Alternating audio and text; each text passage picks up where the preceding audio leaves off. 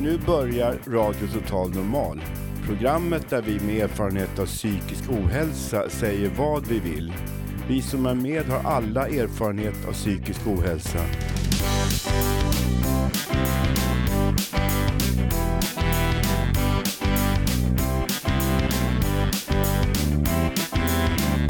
Du lyssnar på radio Total Normal.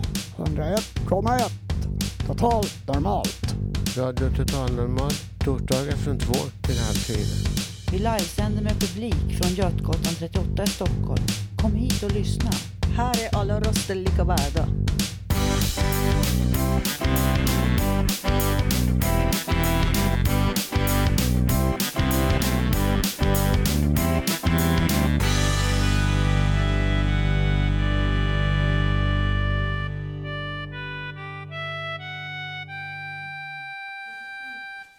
Hej och hjärtligt välkomna mina damer och herrar till Radio Total Normals livesändning på 101,1 MHz från Götgatan 38. Och på webben förstås, radiototalnormal.se. Vi har förstås en härlig publik här idag och eh, en hög stämning. Eh, som vanligt sänder vi här i matsalen på Penthouse eh, live. Och idag ska vi få höra Sylvias tänkvärda ord och vi välkomnar också få höra Hasses dialektiska mysterium. Också självklart lite musik med The Mothers. Eh, jag som är dagens programledare heter Max.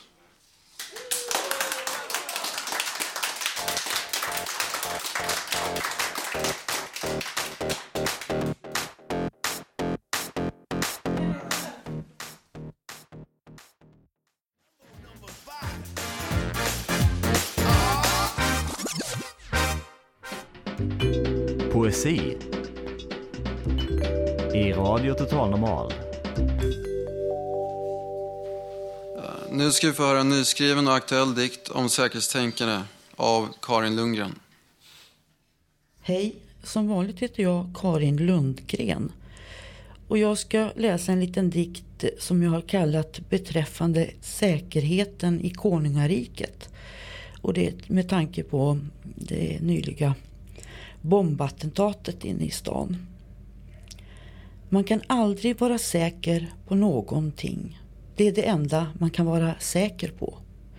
Ur säkerhetssynpunkt är säkerheten aldrig tillräckligt stor så att alla osäkra kan känna sig på den säkra sidan. Tack för mig.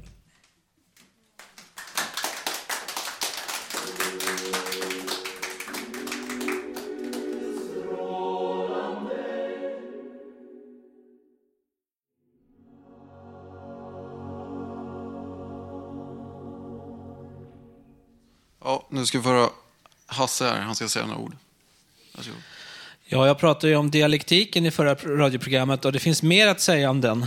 Mer om dialektiken av Hans Kvinto. Det är tack vare dialektiken som vi finns överhuvudtaget. En man och en kvinna kommer tillsammans sexuellt och producerar ett barn som sedan växer upp tillsammans med en människa av motsatt kön och producerar ett barn och så vidare. Dialektiken är inte någon akademisk grej utan själva grunden till livet och kan spåras överallt. En grundläggande tes i dialektiken är följande. Alla företeelser står i samband med varandra och betingar varandra. Vidare finns det tre dialektiska lagar. Lagen om kvantitativa förändringars övergång i kvalitativa förändringar. Lagen om motsatsers enhet och kamp. Lagen om negation av negationen. Vi sätter på en kastrull med vatten som efter det att vi ökar värmen blir till ånga. Eller sätter en kastrull med vatten på balkongen om vintern som i och med ökad kyla blir till is. Det är ett exempel på di- dialektikens förlopp.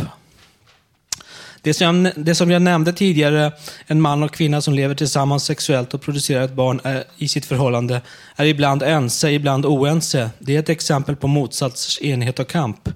Det är ett, exe, det är ett exempel på dialektikens drivkraft. Negationernas negation innebär en progressiv utveckling uppåt. Friedrich Engels, Karl Marx vän, ger ett exempel på negationernas negation i naturen. Till exempel då ett sädeskorn faller i god jord och gror, negeras fröet. Men istället framträder en planta, negationens negation. Det är ett exempel på dialektikens resultat. Jag, Hans Kvinto, tror att dialektiken är trovärdig, men att den dialektiska processen inom en människa, då hon utvecklas från att vara neurotisk eller psykotisk till att bli frisk, mer konstruktiv än destruktiv, mer kärleksfull än hatisk, är en inre process i huvudet, en revolution om ni så vill. Detta genom att människan mognar genom att känna sina barnsliga behov, blir varm genom att känna sin kyla, blir verklig genom att uppleva det overkliga systemets död.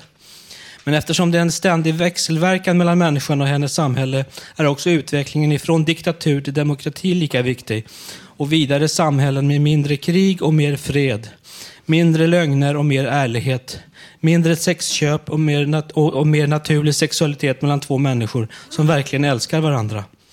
Marx trodde på en revolution, men jag menar att vi kan nå till ett mer människovänligt samhälle, friskt om ni så vill, reformvägen, med mer icke-våld än våld i ett demokratiskt socialistiskt samhälle. Och så tänkte jag sjunga en sång som jag har skrivit, en, en eh, vintervisa som har karaktären, karaktären av en barnvisa. Under en vinternatt hinner många flingor falla under en vinternatt hinner marken täckas av vit snö. Snö som faller ner och det blir mer. Snö vi kan leka i i morgondag. Under en vinternatt hinner många flingor falla under en vinternatt hinner marken täckas av vit snö. Tack för mig.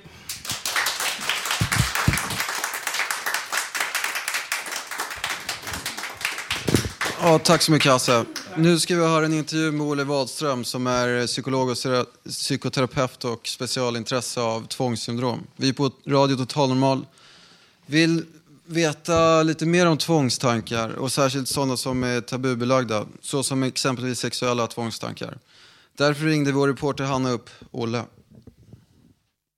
Ja, det kan ju innebära väldigt mycket. Det kan ju innebära att man är rädd för att man ska vara homosexuell, att man ska vara pedofil eller att man ska begå tidelag eller ja, det kan handla om precis vad som helst i princip. Problemet när det gäller sexuella skrämseltankar det är ju att man kan inte eh, det finns inget bra sätt att hantera dem på därför att man kan ju inte gå och prata för mycket om det. Man kan inte få återförsäkringar från andra utan man blir mycket hänvisad till sig själv på grund av att det är så eh, tabubelagt. De flesta eh, feltolkar det totalt och tror att de här personerna som har sådana här tankar är farliga. Men det är precis tvärtom. Ordet tvångstankar används fel. Så att eh, man använder tvångstankar eh, på folk som begår de här eh, beteendena. Fast tvång handlar ju om att man är rädd för att begå. Så att personer med tvångssyndrom är de säkraste personer man kan umgås med. Hur, eh, hur påverkas en person som drabbas av de här tvång, tvångstankarna? Ja, de tror ju helt enkelt att de kan begå de här handlingarna. Och därför så ändrar de ju sitt beteende och aktar sig för vissa miljöer och situationer och, och har en massa undvikanden och tvångsbeteenden och ett, en massa ältande. Och lider naturligtvis av det egentligen kan man säga att det är ett naturligt sätt att eh, ha eh, varningstankar som evolutionen har skapat. Om vi tar ett tvång till exempel som tvätttvång, då är, då är man ju rädd för att man inte ska vara ren, att man har bakterier eller virus på händerna.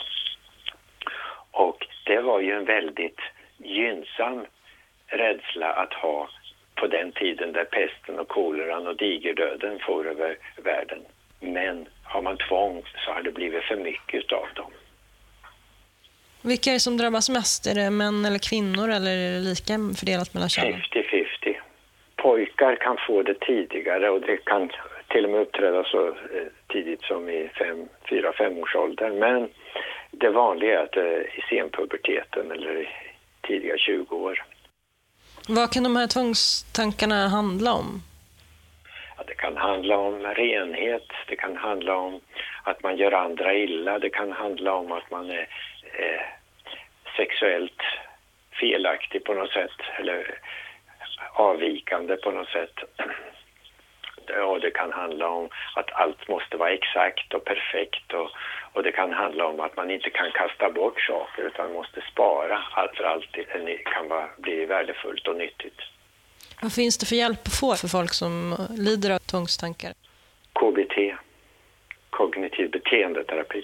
Det går ut på att man måste börja bete sig som om man inte var rädd för sina skrämmande tankar. Man kan alltså lära sig att de skrämmande tankarna inte är farliga. Ja, det var alltså psykologen och terapeuten Olle Wahlström på telefon. Här bredvid mig sitter vår reporter Hanna och Elisabeth Bjärnhjelm Posett som är ordförande för OCD, förbundet Anenki. OCD står för Obsession Compulsive Disorder och betyder på svenska tvångssyndrom. Hej Elisabeth. Eh, vad är OCD-förbundets syfte? Ja, det är ju helt enkelt att vi ska finnas där för personer som vill få information och kunskap om tvångssyndrom. Eh, vi har funnits sedan 89 så vi är precis 20 år i år.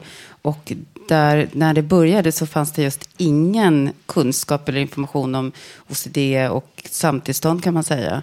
Så att då var det verkligen växte fram ur ett kunskapsbehov för de som var drabbade. Och sen har det bara ökat tycker jag. Men det, jag hoppas vi fyller en funktion samt ett stöd för personer med, med tvång. På vilket sätt kan man få stöd hos er? Vi har alltid nästan personal som sitter och tar emot samtal från folk som kanske ringer in akut eller vill få råd om bra vårdgivare eller få lite av våra skrifter och sådär. Och eh, allmänt stöd och råd. Så att vi har lite av en telefonjour kan man säga. Eh, två till tre procent eh, i Sverige lider av tvångssyndrom. Eh, det är ju väldigt många. Hur många medlemmar har ni i er förening? Ja, om du säger 2-3 procent så är det väl en bra siffra enligt eh, alla vetenskapens rön. Men jag skulle säga att vi, det är många fler egentligen. För det är ju liksom lite skambelagd sjukdom, precis som alla sjukdomar som man måste kalla psykiatriska. Det är lite farligt att ta i sin mun. Men eh, jag skulle säga att 2 procent av Sveriges befolkning är ju cirka 200 000. Tyvärr är vi bara kring 2 000, så vi är alldeles för få. Utifrån att man skulle tycka att man vill vara medlem där om man vill få just information och stötta förbundet. Ja. Eh, upplysning kan ju vara ett sätt att eh, minska okunskapen i samhället om sådana här slags tvång, tvångstankar. Eh, hur arbetar ni med, med den frågan? Jag tycker det är det vi jobbar mest med. Faktiskt just nu så jobbar vi mot skolorna. Vi gör en film för tonåringar och, och barn. Eh, håller på att jobba med den med stöd av medel från Arvsfonden. Och eh, vi är ute och eh, föreläser för boendestödjare om tvång. För då är det personer ofta som har stort behov av att få hjälp också i hemmet. Man kanske låser sig i ritualer och helt omöjligt att komma vidare. Och då gäller det att veta för en person hur man ska göra och inte ska göra om man säger så. Mm. Vad skulle du vilja ge för råd till dem som lider av sådana här tvångstankar? Ja, när det gäller, Olle var inne på det, när det gäller tvångstankar och tvångshandlingar så är det egentligen en metod. Alltså om man är rädd för en tanke eller för att göra någonting eh, så ska man göra det. Det låter så lätt, men den KBT som Olle Wahlström pratar om som är bra för tvångssyndrom egentligen väldigt hundraprocentigt bevisat bra, det är kognitiv beteendeterapi med exponering, det vill säga att utsätta sig för. Om jag är livrädd för att sitta så här framför folk, ja då ska jag utsätta mig för det. Ångesten kanske blir enormt hög, om vi säger att jag skulle lida av social fobi. Eller om jag var rädd för smuts, ja då måste jag utsätta mig för smuts. Det är tyvärr det enda sättet. Sen ska man gå tillväga väldigt försiktigt och pedagogiskt med en terapeuts hjälp. Men då lär sig kroppen att det var inte farligt med smuts. Det var inte farligt att sitta framför folk. Jag dör inte. Du dör faktiskt inte. Så att den, det låter lätt, men det är metoden som hjälper. ERP kallas den. Har du själv några erfarenheter av tvångstankar? Eh, inte tvångstankar egentligen alls, men tvångshandlingar förvisso och tvångshandlingar som hänger ihop med tics har varit mitt problem. Så att eh, Tourette eller inte, men tics och eh, komplexa tvång som följer av tics har varit mitt eh, problem sedan tonåren. Mm. Och, och där är det samma sak, att man måste eh, göra och stå emot, kan man säga. Mm. Exponera och stå emot. Ja. Eh, våld och så här, sexualbrott som begås av psykiskt sjuka människor har ju en tendens att göra så att alla Mm. psykiskt sjuka dras över en kam. Eh, och allmänheten blir rädd för någon som egentligen kanske inte alls är farlig. Eh, vad skulle du vilja säga till allmänheten som lyssnar på det här radioprogrammet och som kanske känner oro och ångest inför tanken på psykiskt sjuka människor? Ja, ungefär precis det som Olle sa. Jag kan ju egentligen bara prata för, kan jag känna som expert för den här gruppen med tvångstankar. Har man tvångstankar om att vara farlig, till exempel utsätta någon för sexuellt våld, då är man den minst troliga att göra det. Man är så rädd för att göra det så man går och gömmer sig i ett hörn, så att säga. Eh, sen förvisso kan ju andra tvångstankar finnas där som gör kanske att man gör någonting. Men jag, jag finner det högst otroligt, utan det är ju kanske under andra betingelser man gör en våldshandling. Och det kan jag inte säga att det skulle vara personer med psykiatrisk sjukdom som utmärker sig. Jag tror det är i, i väldigt låg omfattning faktiskt. Visar väl många siffror. Mm. Eh, jag tänkte bara höra om det är någon i publiken som vill ställa någon fråga. Eller vill säga någonting överhuvudtaget. Och som har något att tillägga. Man säger KBT, men det är ju jättemånga som inte har råd med det, för det kostar kanske 800 per, Mhm. per tillfälle. Då. Och, så det är ju liksom Mm. en utopi att säga Mm, I viss mån. Mm. Tyvärr, det du säger är ju sant. Och däremot kan man ju, om man har så svåra tvångstankar att det verkligen hindrar i vardagen, då, då ska man ju ha rätt enligt vårt fina sjukvårdssystem att kunna gå till exempel till primärvården och säga det här lider jag av och jag kan inte arbeta till exempel. Då ska du ha en rätt att åtminstone få en bedömning och en diagnos och en vidare remittering. Om det är så illa att du är förhindrad i vardagen. Eh, sen eh, är det ju många som väljer privatterapi om man har den möjligheten ekonomiskt, men förvisso inte alla. Men man ska väldigt mycket kräva att få eh, landstingets terapi in i det längsta, så att säga. Och säga att det förhindrar en att vara produktiv, om inte annars, annat, så att säga. Tack. Här har vi en man som sitter och räcker upp handen. Ja, jag tycker det här var intressant. Jag känner inte till det här så mycket. Men jag vet till exempel till de andra diagnoser när man kommer in i en, i en slinga att man upprepar upp, eh, saker. Så här till exempel om man har någon eh, psykos eller någonting. Att man gör samma sak igen. Eller att man blir behandlad av omgivningen så man hamnar i den situationen. Kan det också vara så att i, i de här tvångssyndromen att omgivningen påverkar så man hamnar i det här och att man måste öva sig för att komma ur det här. För att det kan, det kan låsa sig. Jag vet människor som, som kommer in i sådana här eh, saker som blir nästan psykotiska jämt. Liksom. Det, det, Mm, ja, jag förstår hur du menar. Dels så i psykos och i andra tillstånd så är det här med tvångsmässigt repetitiva beteende ganska vanligt. Det är för att liksom hjärnan går på någon sorts högvarv. Och när det gäller tvång så är det ju mer att man om och om igen, det finns en bok som heter så nu, vill göra bättre så att säga.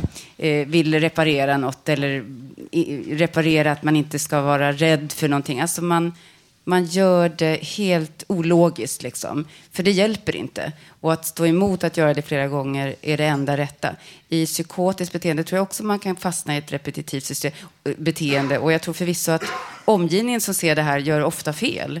För att man i tvångsbeteende kanske terapeuten eller den anhöriga vill prompt avbryta, snabbt lägg av, du är inte klok. Men det är ju fel, för man måste ju gå lite psykologiskt tillväga och få den rätta attitydförändringen. Att personen ska förstå att det jag gör är visserligen ologiskt, men jag har ju själv ett syfte. Eh, och visst kan omgivningen göra fel alltså, och tycka att man är knasig och förvärra allting och skrämma upp en och vilja snabbt ta bort en ur en situation så att man kanske blir till och med aggressiv. Så mycket kan göras fel. Var det något svar på, på det hela? Ja, eh, vi måste avrunda här. Vi har fler som räcker upp handen, men det, Vi får tiden rinner ut. surfa in på Anankes hemsida som är svenska OCD-förbundet. OCD-förbundet.se på www och utan prickar förstås. Där finns ju mycket information. Så tack. Tack så jättemycket för att du kom hit. Tack.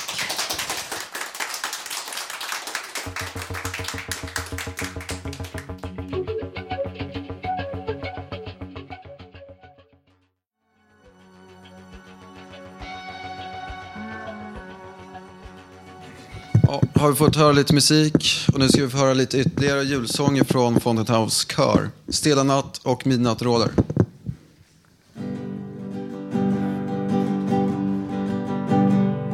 Stilla natt, heliga natt Allt är frid, stjärnan blid Skiner på barnet i stallets tro Vakande fromma två Kristus till jorden är kommen Oss är en frälsare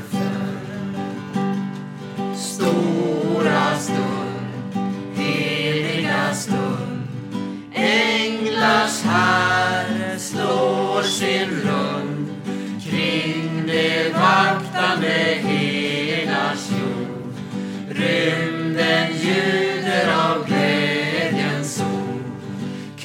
Jesus till jorden är kom.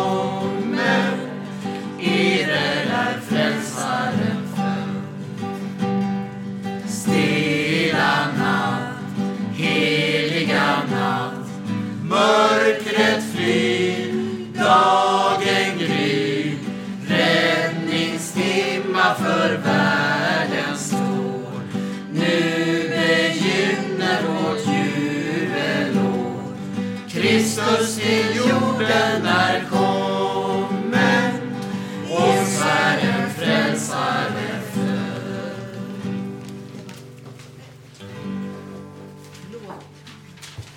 Nummer tre. Midnatt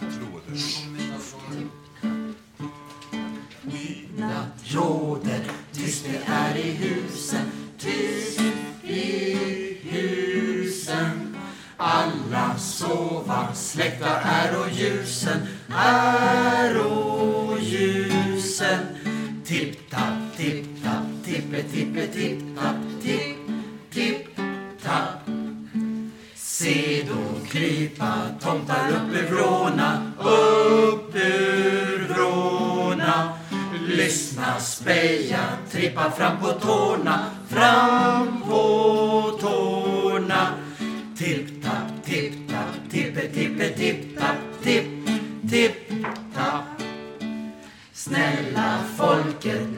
maten rara, maten rara. Stå på bordet åt en tomteskara, tomteskara. Tipp-tapp, tipp-tapp, tippe-tippe-tipp-tapp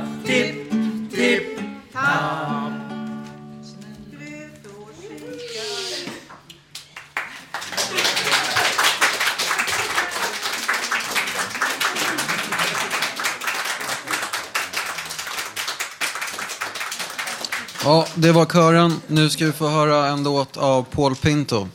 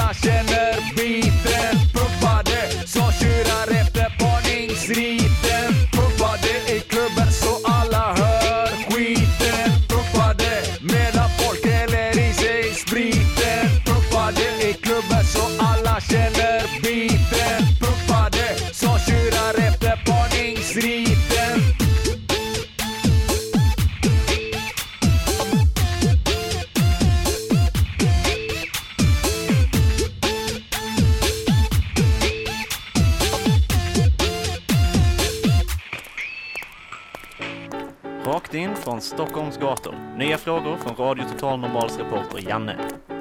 Ursäkta, får jag ställa en kort fråga? Får jag ställa en kort fråga bara? Känner damen någon som är psykiskt sjuk? Entschuldigung, Entschuldigung, hallå? Entschuld... Guten Tag. What language you speak? Russian? Ah, eh. Hur gör du för att få må bra? Ingen aning kompis. Nej, men det spelar ingen roll vet du. Om normala människor är tråkiga Ja, så tack är jag så inte mycket. tråkig. Ja, nu ska vi ut med Janne Holmbrink på stan, så brukar vi ut och prata med folk. Den här gången frågade han folk om vad de tycker om psykiskt sjuka. Ska, om de ska få jobba eller inte. Tycker du att psykiskt sjuka vi ska få arbeta med någonting? Ja, självklart. Finns det några gränser? Varför skulle det finnas det? Eller vadå? Jag menar liksom folks uppfattningar, fördomar och så vidare. Eh, de blir väl mindre ju mer man träffas antar jag. Känner du någon som är psykiskt sjuk? Ja, ja. Jobbar han eller hon då? Eller? Eh, jag känner flera, ja, de jobbar. Ja, Du tycker det är bra? De trivs bra med det? eh, ja så vitt jag vet, ja. Jobbar du själv inom läkarkåren? Eh, jag är psykolog. Tack snälla. Hej då, ha det bra. Hej. Ursäkta, får jag ställa en kort fråga? Tycker du att vi som är psykiskt sjuka, vi ska få arbeta? Ja, det är väl självklart. Det är inte alls självklart. Fråga ar- Arbetsförmedlingen. Ja, ja, ja. ja, ja, ja det Fråga psykiatrin. Mm, mm. Ja, ja, man får anpassa jobbet till personen i fråga. Ja, men det- vi kan ju anpassa oss också naturligtvis. Ömsesidigt. Ja, ja, självklart. Ja, känner du någon som är psykiskt sjuk? Eh, nej. Du är inte själv sjuk? Ja, det, det vet jag inte. Nej, det vet inte jag heller om jag är varken frisk eller sjuk. Någonting mittemellan. Nej, man tror ju att man är frisk, men eh, man kan ju vara tokig. Men Det är vi allihopa tror jag. Hej till mans. Hej då, har du bra. Ursäkta, får jag ställa en kort fråga? Jag undrar, tycker du att vi ska få arbeta med någonting, vi som har psykisk ohälsa? Klart. Självklart, om man vill det. Ja, det är klart, vi är inte farliga, vi är inga psykopater. Nej, du pratar med rätt person. Jag, har, jag är psykoterapeut. Och jag tycker det är självklart om man vill och har förmågan. Och för de som inte har förmågan, de ska få sin sjukersättning utan att bli utförsäkrade. Ja, tack så jättemycket. Eh, vad tycker du? Tycker att vi som har psykisk ohälsa, att vi ska få arbeta? Eh, alltså det är klart ni måste få arbeta med något men liksom om det ska vara samma liksom, yrken som de andra, lika ansträngande liksom så här. Alltså ni får väl hitta något på så här, er nivå så här.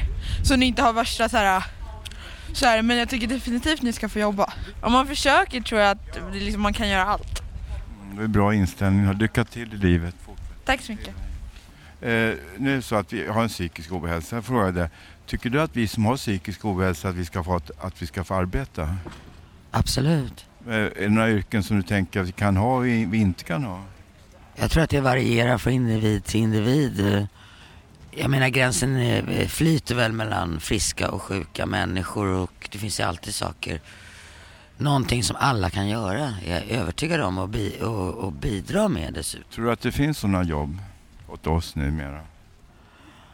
Jag tror att det är väldigt tufft på marknaden och att man har man, man, man är kall och hård när det gäller att eh, värdesätta olika ja, mänskliga kvaliteter. Har du jobb själv? Eller? Nej. Nu får jag fråga dig en sak. Eh, tycker du att vi som har psykisk ohälsa, vi ska få arbeta? Ja, det är klart. Vad bra, vilken bra stil du har. Excuse me, may I ask you a question? Do you speak English? Yes? No, Chinese? Sure? Japanese? Konnichiwa? Konnichiwa, konnichiwa. We are from a radio station called Radio Total Normal. It's about people with mental illness, mental mental illness, and we are not dangerous. We are not dangerous. Yes, I want to ask you a question. Do you think that we should work if we can work? Yes. Yes. What kind of job do you think we can have? Office work? No. But uh, have you people in your country who are mentally ill too? People in in Japan who are mentally ill? No. Thank you very much. Goodbye. Sayonara. Sayonara. Sayonara. Hej då. Bye bye. Ja, det var Janne på stan. Nu ska vi över till Robert. Ja, hejsan. Det här är Robert från Radio Total Normal, det sista programmet 2010 innan jul här. Och eh, jag ska läsa lite debatttankar här. På handsida skor heter det. Kondoren glider, örnen svävar, människor strävar. Stora starka människor, framåt, mitt i livet. Det seglar fram på handtydda skor. Det flyter runt i flådiga bilar. Mitt i livet seglar det fram. Var slutar tvång? Var börjar glädje? Var slutar tvång? Var börjar glädje? En man är en man. Han var värd både en far och en mor. Nu är han vuxen. På stadiga ben står han mitt i livet. Han var värd både en far och en mor. Var slutar tvång? Var börjar glädje? Var slutar tvång? Var börjar glädje? Kvinna, kvinna, behöver man kvinna. Man, man, behöver kvinna man. Var slutar glädje? Var tar segern mark efter kampen? Var tar segern mark efter kampen? Örnen svävar, kondoren glider, människor strävar. Stora, starka, mitt i livet seglade fram. På handsydda skor rusade runt mellan våning och jobb. Örnen svävar, kondoren glider, människan strävar. Stora, starka, mitt i livet seglade fram på handsydda skor mitt i livet.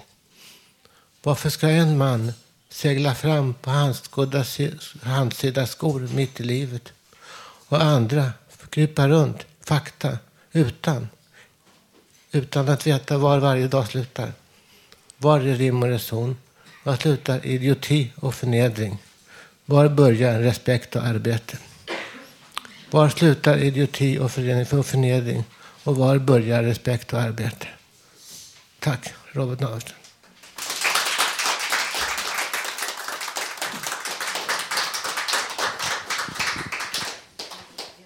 Ja, eh, jag heter Gabriel Andersson och jag har skrivit den här låten som kommer spelas nu. Eh, den heter Cell. Jag har samplat någon eh, Tombstone, typ så här cowboyfilm eller någonting.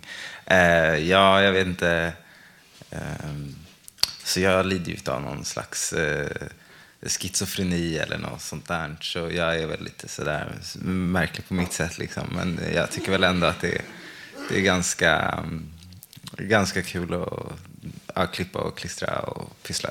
Eh, ja, jag vet inte vad jag ska säga. Men eh, ja, här kommer den i varje fall och jag hoppas att eh, ni kommer tycka att den är bra.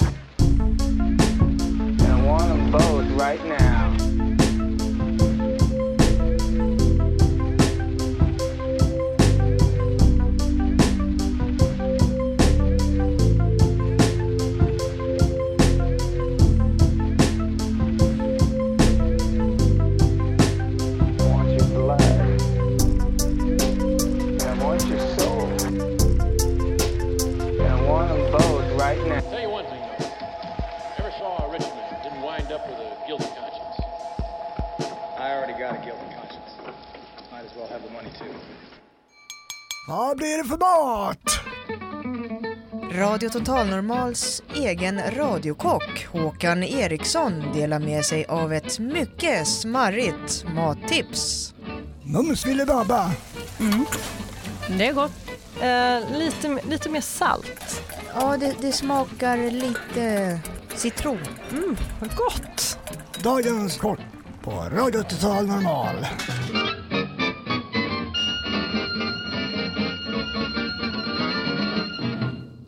Håkans matrecept. Ja, hej!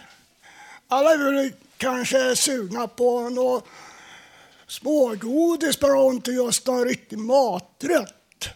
Så att här kommer jag presentera två stycken kolor. Den ena är för barnen och den andra är mer vuxen smak.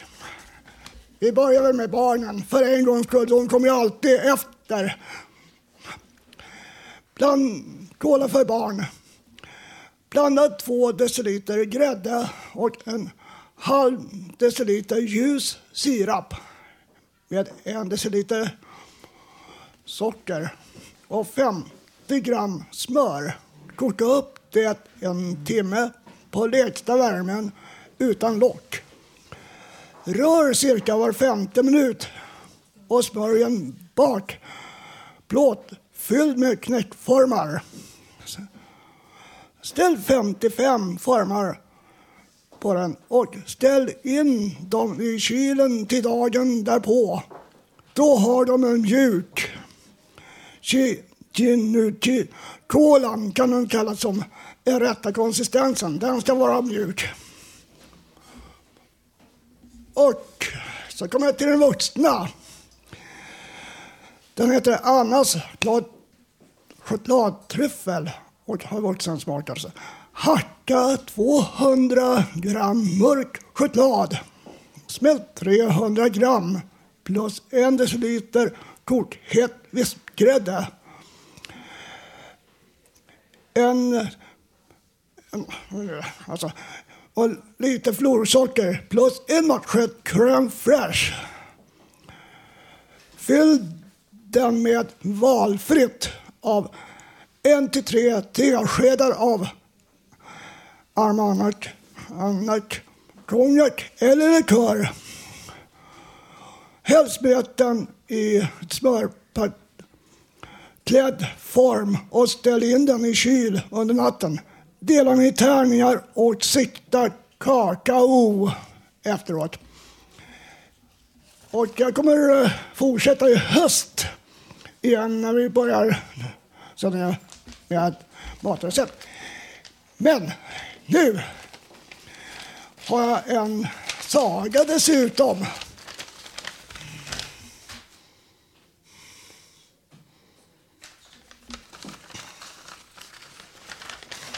Ja. Julafton närmar sig. Barnen har snöbollskrig och gör snögubbar och snölyktor. För snart kommer tomten.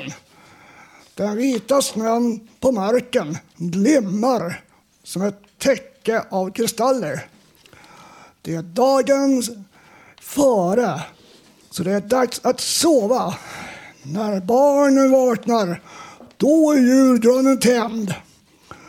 Senare ser de på Kalle Anka. Då ringer det på dörren. Pling, pling. Barnen öppnar. Där utanför står tomten som frågar Finns det några snälla barn här? Alla barn tjoar ja! De får sina julklappar av tomten.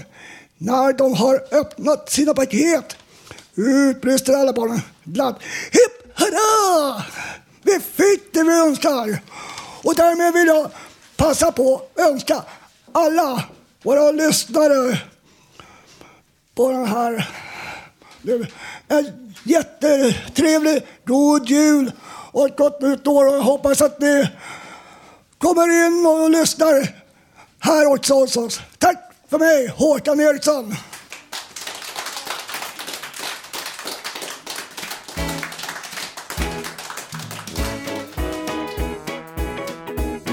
Har en riktig show om du vill hänga med med lite dur och moll så fixar vi till det. Vi har slagit alla våra huvuden ihop och vi har fått fram ett radioprogram. Det här är vad vi gjort.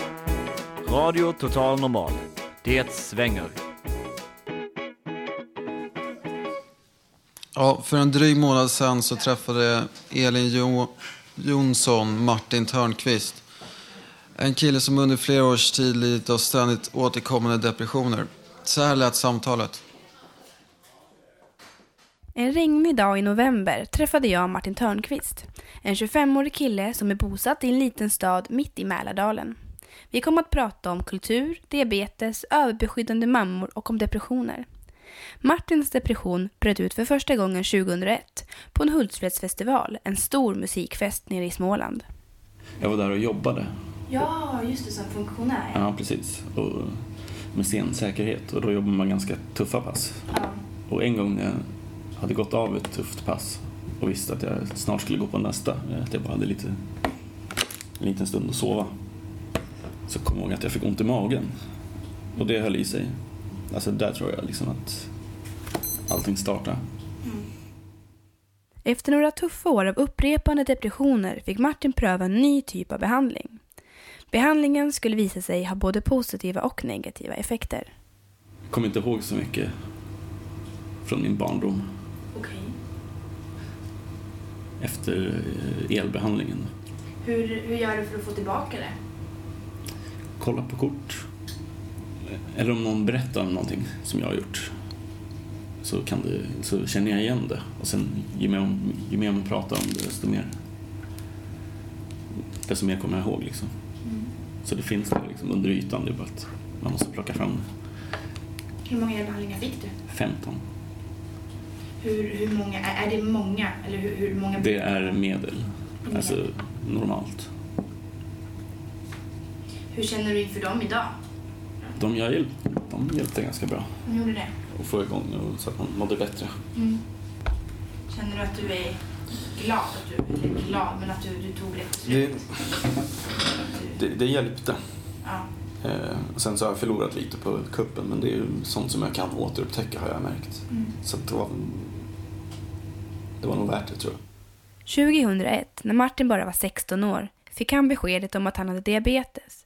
Ett besked han hade mycket svårt att acceptera. När han fick sin diabetes stod han mitt emellan två världar. Det ena benet hem i det trygga familjehemmet och det andra ute i det självständiga vuxenlivet. På väg att börja på en skola, långt hemifrån. Man eh,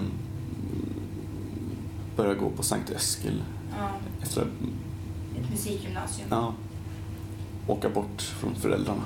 Mm. Liksom, vara lite vuxen och festa. Mm. Det funkar inte riktigt. mycket öl och det kan man inte göra när man har diabetes. Nej. Och inte när man har en eh, beskyddande mamma också. En beskyddande mamma. Mm. Vad sa beskyddande mamman om hur du levde när du fick diabetes då? Nej, hon tyckte det var jobbigt. Och jag var ju förmodligen väldigt rebellisk. Mm. Gjorde absolut inte som, som de sa. Hur känner du inför diabetesen idag?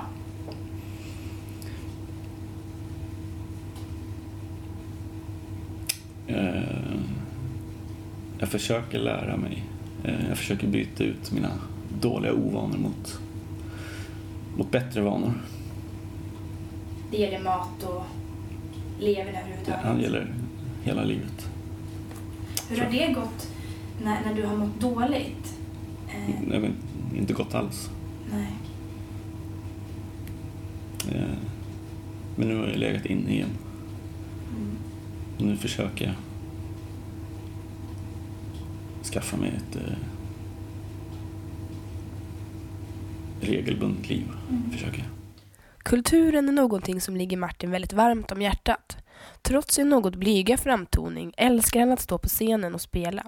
Något han har haft nytta av under tuffa perioder. På scen får man ju vara någon annan, inte sig själv. Liksom. Så är det ju det klassiska. Så det är skönt. Kan du liksom släppa då Martin och Martins ångest och Martins toppar och dalar och liksom bli... Nej, men jag spelar i topparna och dal- dalarna också. Mm. Kan man höra på, på din musik hur du mår? Det tror jag.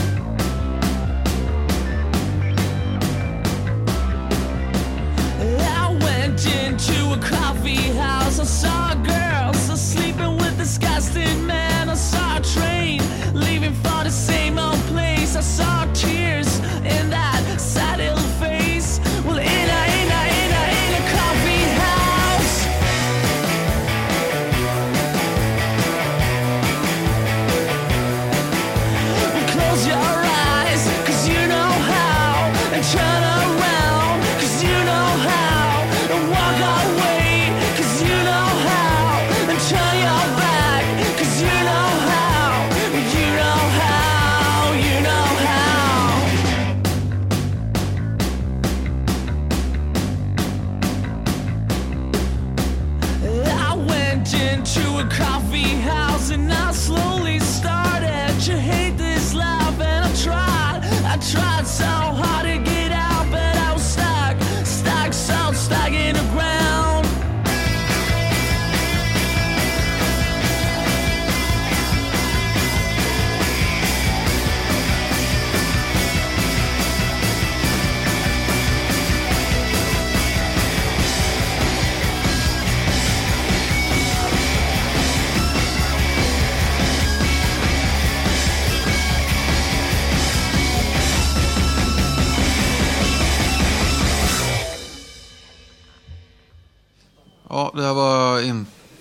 Mothers. Och, ja, I alla fall, nu ska vi gå vidare och höra Janne med band där.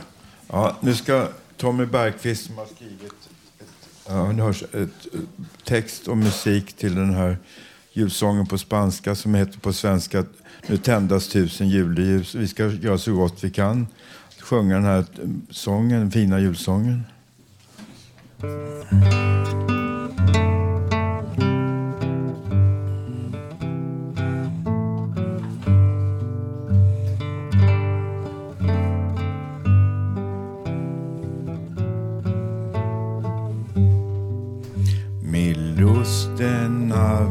Navidad aura en tierra encienden.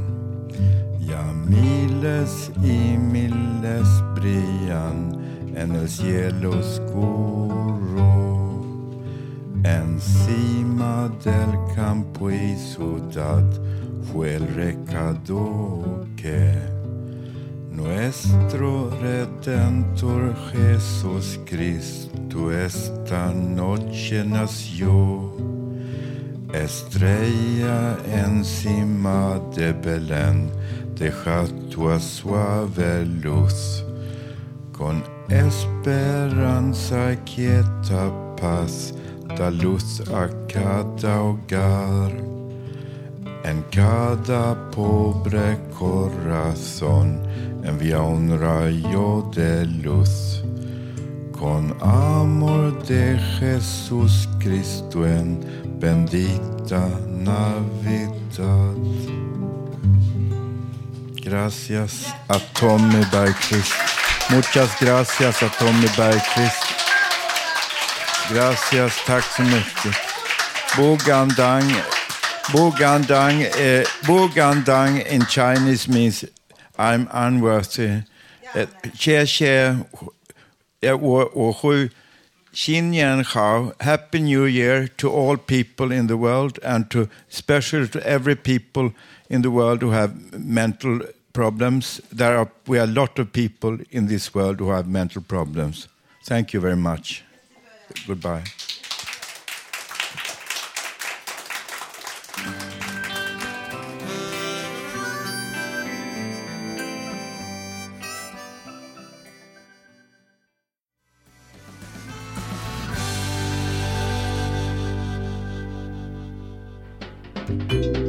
Poesi i Radio Total Normal. Ja, eh, nu ska vi få höra en dikt av Ulf. Idag är fredag, vinter. Igår var torsdag, ja, 57, 03. Höst har inte sedan varit.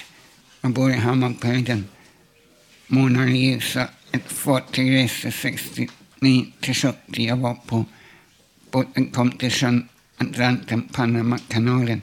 Jag var i Europa på en Sydamerika, i Hamburg, Tyskland, Antwerpen, Belgien. Vi talade på fartyget, såg land i Sydamerika, Chile, Peru, Colombia, Venezuela. I lasten fanns ett antal cigarettlimpor, bananer, frukt, fisk, bröd, smör, ost, kaffe, pulver, läsk. Nu är årtal 2010. Påsk var vår, var, påsk var april, vår. Nu är december, juni, juli var sommar. Solsken, vind blåser och fredag, december 10.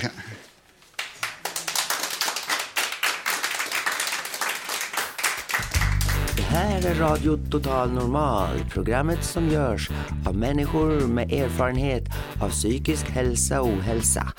Våra röster är också viktiga.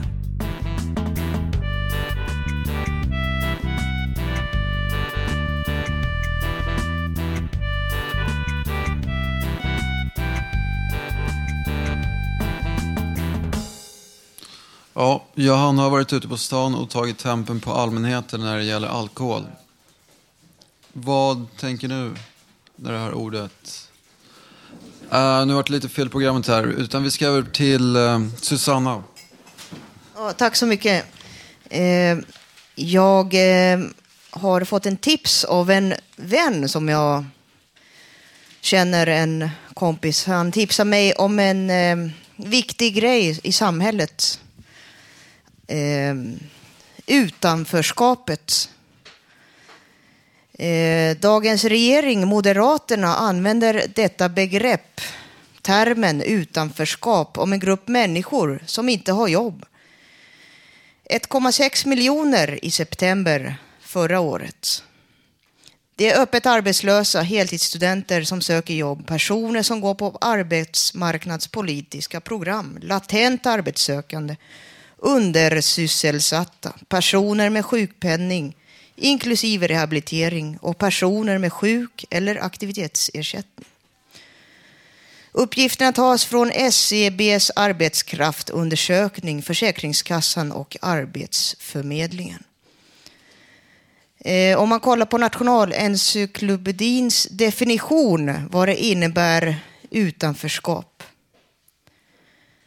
Det är att stå utanför viss gemenskap i hem, arbete, kultur eller samhällsliv, samhällsliv mellan medlemmar av ett land, folk etc. Ordet är att jämföra med är alienation, ensamhet, främlingskap. Exempelmeningarna är invandrarna skall inte dömas till permanent utanförskap och känslan av utanförskap i storstädernas betonggetton. Ibland uppfattas ordet som något nedsättande enligt Nationalencyklopedin.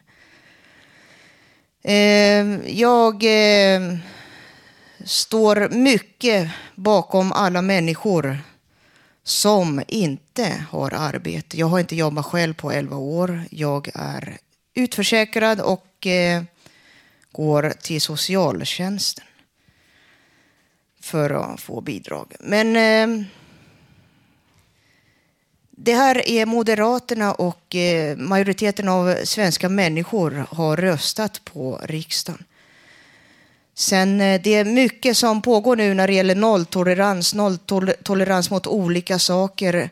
Jag eh, är intresserad själv av att hjälpa Peter Dorsch söndagar med att tända ljus kring suicid i Sverige. 1500 tar livet av sig. Årligen, så jag tycker det. Jag ska hjälpa till söndag nu i Gamla stan. Men eh, så är det. Eh, jag står bakom all främlingsfientlighet också i detta land. Eh, jag är inte svensk. Jag står bakom alla mot främlingsfientlighet menar jag. Jag, ty jag tycker absolut att eh, det finns en underton i Sverige mot ras rasistiska människor. Jag, eh, det är inte acceptabelt alltså. Jag ska försöka motverka också främlingsfientligheten så mycket jag kan. Tack.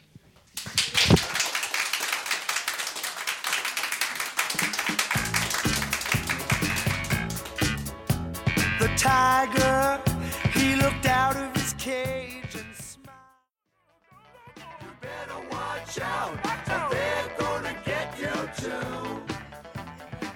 Ja, nu ska vi få höra Ebba sjunga lite. Jag har inte fått ton. Jag får ta en ton i alla fall. Snälla då.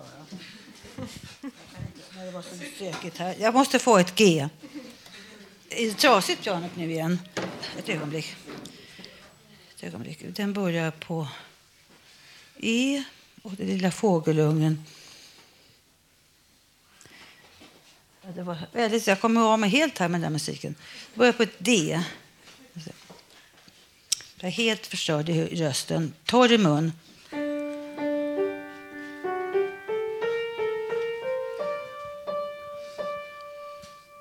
Det är svåra stycken.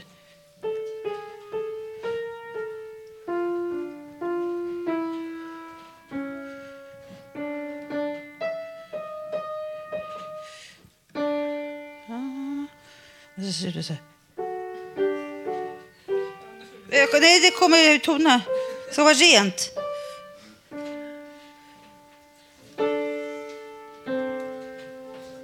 Snuva. Så. Det handlade om lilla sjuka fågeln. Jag har den i...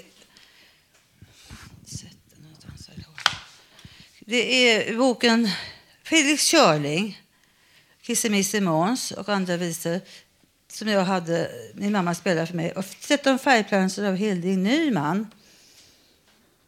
Har, jag, har ni hört talas om den? Det är bild här. Jag ser bilden. Mamma sitter med lilla kattungen och jag liten här med min lilla docka. Och jag kommer precis ihåg mamma som var så ledsen. Man- Det är lätt sorgsamt här. Dockan är död. Kanske dör. Klagande ska Dockan är sjuk. Ja, Jag hittar på det. Vilken ton? Nu var tonen där. D. Vet, åh, vet, vet, vet mamma vad att Kalle är så stygg, stygg, stygg. Jag hade satt mig nyss där ner vid bäcken och hade gjort min docka riktigt fin och snygg då Kalle kom och kastarna i bäcken. Och jag brast ut i gråt och dockan blev så våt.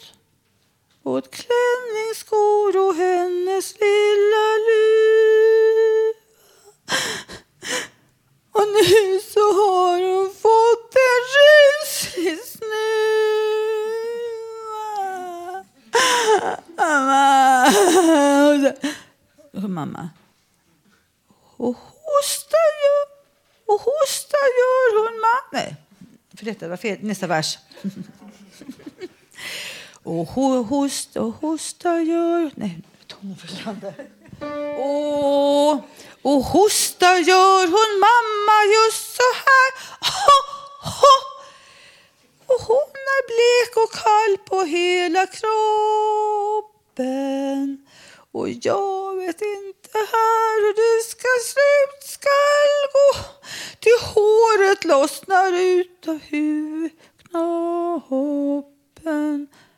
Jag undrar mycket, ja, om inte det var bra att dockan fick en kopp choklad med... Att dockan fick en... Att dockan fick en kopp choklad med kaka och li, lite annat gott som kunde smaka. Lite mjölk och honung och smaka. Mamma, men hjälper du mamma? Bilden, titta. Titta, mamma hjälper dig.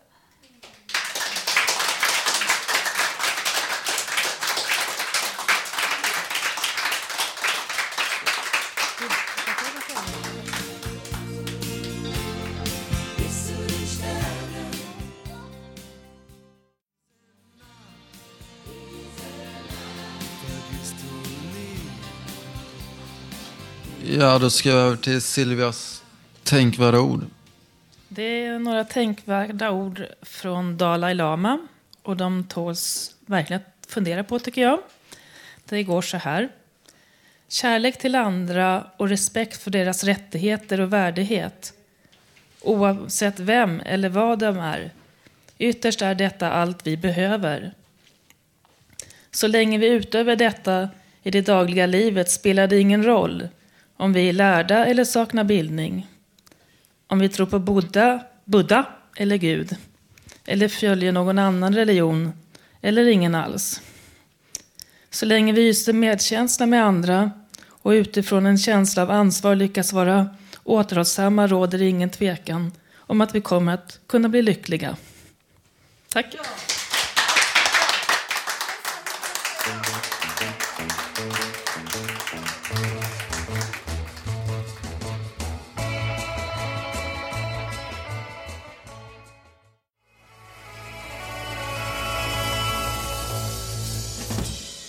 Var lite country på slutet av sändningen. I dagens program har vi fått höra livemusik, poesi och en massa personer och, och intressanta texter.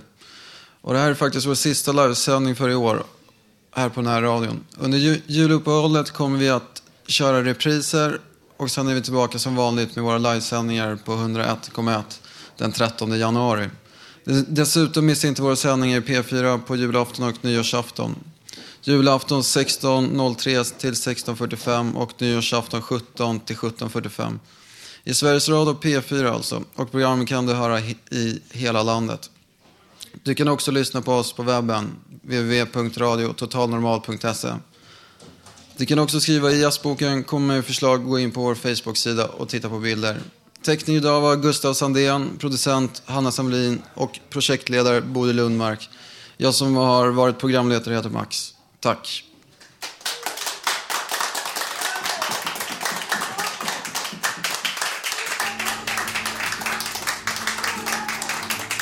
Just idag är jag stark, just idag mår jag bra Jag förs framåt av kraft